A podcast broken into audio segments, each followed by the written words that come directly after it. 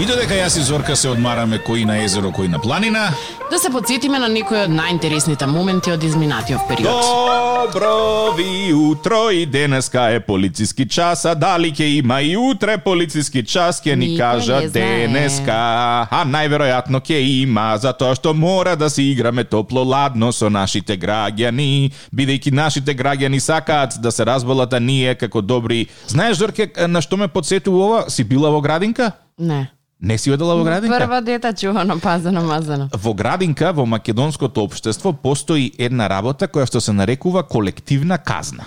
Имаш 26 деца во градинка, во група, 46 стави ги. колку и да се, и е, Марко е лошото дете. И Марко прави проблеми во градинка. Добра. И учителката вика, Марко, престани, ќе ве казнам. Марко апсолутно не аферма учителката и Марко продолжува да си прави бели. И Марко прави бели, прави бели и на крај учителката, наместо да се справи со Марко, ја казнува целата група. Тоа е така наречен синдром на колективна казна во а, па тоа е Македонија истото тоа што ни се случува нас. Е, и сега, што се случува со полицискиот час? Ти имаш е, забрана за движење во одреден временски период кој што соодветната институција не ја спроведува, а од друга страна имаш несоодветни багабонти кои што не почитуваат мерки, се заразуваат и ја држат таа бројка на заболени. И наместо институциите и власта, односно васпитачката, односно Филипче и владата да ги казнат тие конкретни лица кои што не ги почитуваат мерките, они колективна казна, цело општество ќе го затвориме во полициски час.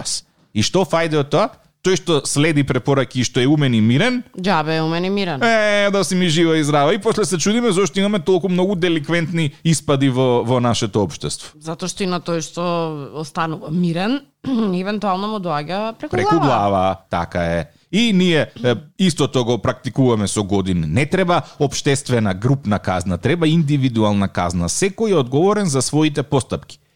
Тоа што е, јас ќе го направам, јас треба да сносам одговорноста, не тик-так и Зорка да сносат одговорност. Ама за жал не е така. Е тоа Ама е тоа ти што мене кажеш ме нешто, на пример, што не е добро во програма, и јас исто така ќе бидам суспендирана, така? не би требало ти ако јас кажам нешто лошо у програма, ти можеби ќе добиеш промоција и ќе Ама колега, јас би сакала ако јас кажам нешто лошо и ти заедно со мене бидеш казнат. Тоа е некако колективно. Е, зависи. Е, слушај два коментари од Facebook. Ти држи вода Муабетов, плюс имаш фаца како агентите од Матрикс со темните очила, само треба да ставиш Bluetooth слушалки со федер кабелче. Немој само Bluetooth како тие што ги купија моите пријатели. Какви? Апаратчето. Тамо. Денес е 20 мај, односно ден на пожарникарството во Република Северна Македонија. На... Браво, пожарникари! Така, Вие на- се фаќате во костет со сите глупости кои што нашиот народ ви ги подготвува. изноѓате начини како да се справите со тоа.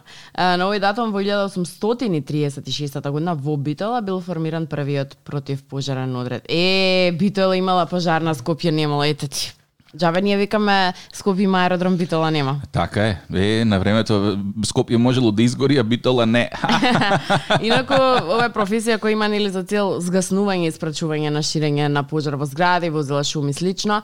Лицата кои, кои го прават тоа се нарекуваат херои и инаку, затоа што имаат цел да го заштитат општеството, животите, имотот од настанат можеби пожар или било каква непогода и ова професија се разбира бара високо ниво на тренинци. Ако не се лажам пред некој период имаше а, отворен оглас за пожарникари, а, беше навистина Да. тешко да се најде, да речам, а, човек кој што би сакал да биде на таа позиција од проста причина што професијата сама по себе на вистина е стрпувачка и полна со адреналина, не секој тоа би можел да го а, Да издржи? Издржи, да. А, добро, секој, секој за што е кален, ама факт е дека пожарникарите се е, одлични, се грижат за нашата безбедност, брзо реагираат, а работат со опрема која што е баги стара. Секада во светот се доживеани како херои. Е, Има серија за, за тоа да си пожарникар, има е, и како многу видео спотови каде што се тие нели представени, само кај нас е таа некоја штама.